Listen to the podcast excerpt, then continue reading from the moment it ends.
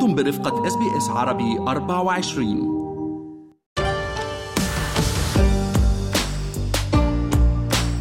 تعتبر السنة القمرية الجديدة Lunar New Year أو عيد الربيع جزءا راسخا من الثقافة الأسترالية وتعد الاحتفالات التي تقام في سيدني الأكبر من نوعها خارج آسيا. سنشرح في هذا البودكاست عن كل ما تحتاج معرفته عن هذا العيد وعن هذا الاحتفال السنوي. نبدأ ببعض المعلومات الشيقة عن السنة القمرية الجديدة. يحتفل ما يقارب 1.5 مليار شخص حول العالم برأس السنة القمرية. يتم إطلاق أكبر عدد من المفرقعات النارية في هذه الاحتفالية. تاريخ رأس السنة القمرية يختلف سنويا ورقصة الأسد هي عادة تقليدية في هذا العيد. تمتد احتفالات رأس السنة القمرية على مدى 15 يوما ويعود تاريخ الاحتفالات إلى 4000 سنة. اللون الأحمر هو الأساس في هذا العيد. كل سنة تتخذ حيوانا مختلفا رمزا لها. إنه الوقت الأمثل لإحداث تغييرات على الشكل. سترون الكثير من الفوانيس في هذا العيد والاحتفالات في سيدني بهذا العيد هي الأكبر خارج القارة الآسيوية. والآن دعونا نغوص في تفاصيل هذا العيد. في عام 2023 سيقام يوم رأس السنة القمرية في الثاني والعشرين من كانون الثاني يناير. تشرح الدكتورة بان وانغ وهي محاضرة في الدراسات الصينية والآسيوية في جامعة نيو ساوث ويلز. أن عيد الربيع يستمر على مدار 15 يوما لحين موعد عيد الفوانيس وهذا يعتمد التقويم القمري على دورة القمر ووجهته نحو الشمس ويحل مهرجان الفوانيس في اليوم الخامس عشر من العام القمري. يتم الاحتفال به في الصين وفي دول شرق آسيا الأخرى مثل كوريا وفيتنام واليابان. كذلك يتم الاحتفال برأس السنة القمرية في ماليزيا ومنغوليا وفي أوساط العديد من المغتربين في جميع أنحاء العالم. وتقول الدكتورة وانغ إن السنة القمرية الجديدة لها تاريخ يصل إلى أربعة ألاف عام بدءا من سلالة شيا أو تشانغ.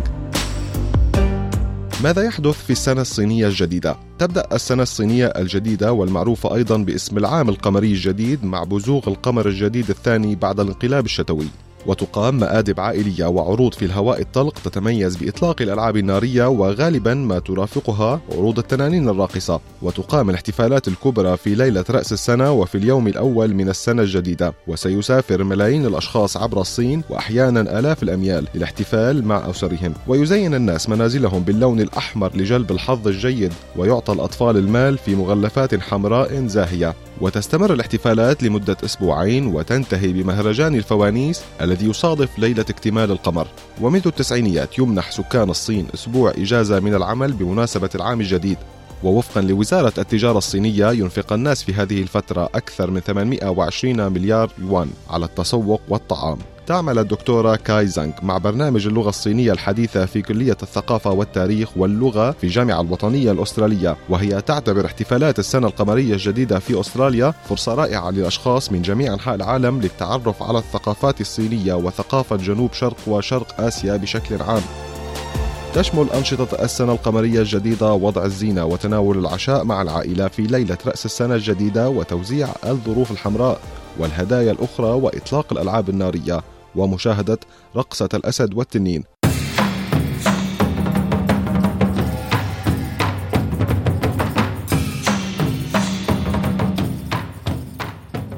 وتوضح الدكتورة وانغ أنه يتم الاحتفال بالسنة القمرية الجديدة بالمأكولات التقليدية وموائد الطعام وتناول السمك والتجمع مع العائلات والأصدقاء. يعتبر اللون الأحمر لون الحظ الجيد جدا لذلك بينما ترى الكثير من الزخارف ذات اللون الأحمر من التقاليد أيضا أن يعطي الصينيون مغلفا أحمر للأطفال كطريقة للاحتفال بالعام الجديد. وتقول آيريس تانغ التي نشأت في الصين وانتقلت للعيش في أستراليا منذ 20 عام. إن المأكولات التقليدية وموائد الطعام المميزة جزءا مهما من احتفالات رأس السنة القمرية في أستراليا كما هو الحال في الصين. وتضيف أن الاختلاف الرئيسي ما بين الاحتفال بعيد رأس السنة القمرية في أستراليا والاحتفالات في الصين هو أن هناك عطلة طويلة تتزامن مع احتفالات السنة القمرية الجديدة في الصين. واعتاد مئات الملايين من الأشخاص من حول العالم السفر إلى مسقط رأسهم للم شمل الأسرة والاحتفال برأس السنة القمرية الجديدة في الوطن الأم خلال الظروف الطبيعية وبالطبع عند غياب قيود كوفيد 19 أما آيرس نفسها فتستمتع بأجواء العيد في أستراليا.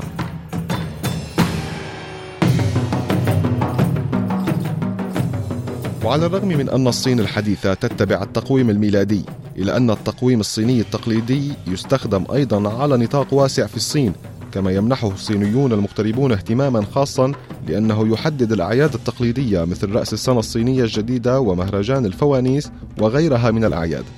وتتميز رزنام السنة القمرية بأهمية خاصة وقيمة معنوية من حيث اختيار الأيام الميمونة لحفلات الزفاف أو الجنازات أو الانتقال لمنزل جديد أو بدء عمل أو مصلحة تجارية. وتشرح الدكتورة وانغ أن هذا التقويم يعتمد على تحديد بداية الشهر حسب دورة القمر. وكما هو الحال في معظم التقاويم القمرية تكون الأشهر إما 29 أو 30 يوما وتحدد بداية العام بالنسبة للدورة الشمسية. وفي كل عام يمكن أن يصادف يوم رأس السنة القمرية الجديدة إما في كانون الثاني أو في شهر شباط فبراير. توضح الدكتورة كاي تشانغ أن الاحتفالات لرأس السنة القمرية الجديدة تستمر حوالي أسبوعين تقريبا من ليلة رأس السنة القمرية الجديدة إلى عيد الفوانيس الذي يقام في اليوم الخامس عشر من العام القمري. ويتزامن مهرجان الفوانيس مع اليوم الخامس عشر من الشهر الأول حسب التقويم الصيني. ويتم استخدام الاختلافات في التقويم الصيني التقليدي في جميع أنحاء شرق آسيا.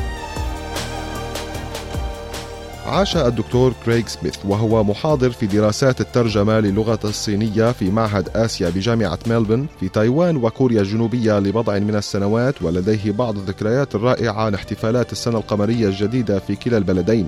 ويقول الدكتور سميث إن السنة القمرية الجديدة في كوريا الجنوبية هي مناسبة لتقدير واحترام الأجداد. ويقول سميث إن العديد من عناصر ومعالم الاحتفال بالعام القمري الجديد تأتي من دول أخرى غير الصين كعروض رقصة الأسد التقليدية على سبيل المثال. ويضيف أن يوم رأس السنة القمرية الجديدة في كوريا الجنوبية هو وقت لتقديم الاحترام لأسلاف المرء وأجداده مما فارقوا الحياة وهو تقليد تشترك فيه الثقافات الأخرى أيضاً. تبدأ سنة الأبراج الصينية وتنتهي في رأس السنة القمرية الجديدة ويطلق على كل عام اسم حيوان من حيوانات زودايك على السنة الجديدة ولكل من الحيوانات سماته المشهورة ورموز الحيوانات تأتي في الترتيب التالي الجرذ، الثور، النمر، الأرنب، التنين، الأفعى، الحصان، الماعز، القرد، الديك، الكلب والخنزير. وتعود نشأة الأبراج الصينية الاثني عشر إلى أسطورة قديمة تناقلتها الأجيال وتتمحور حول سباق الحيوانات لحضور اجتماع مهم.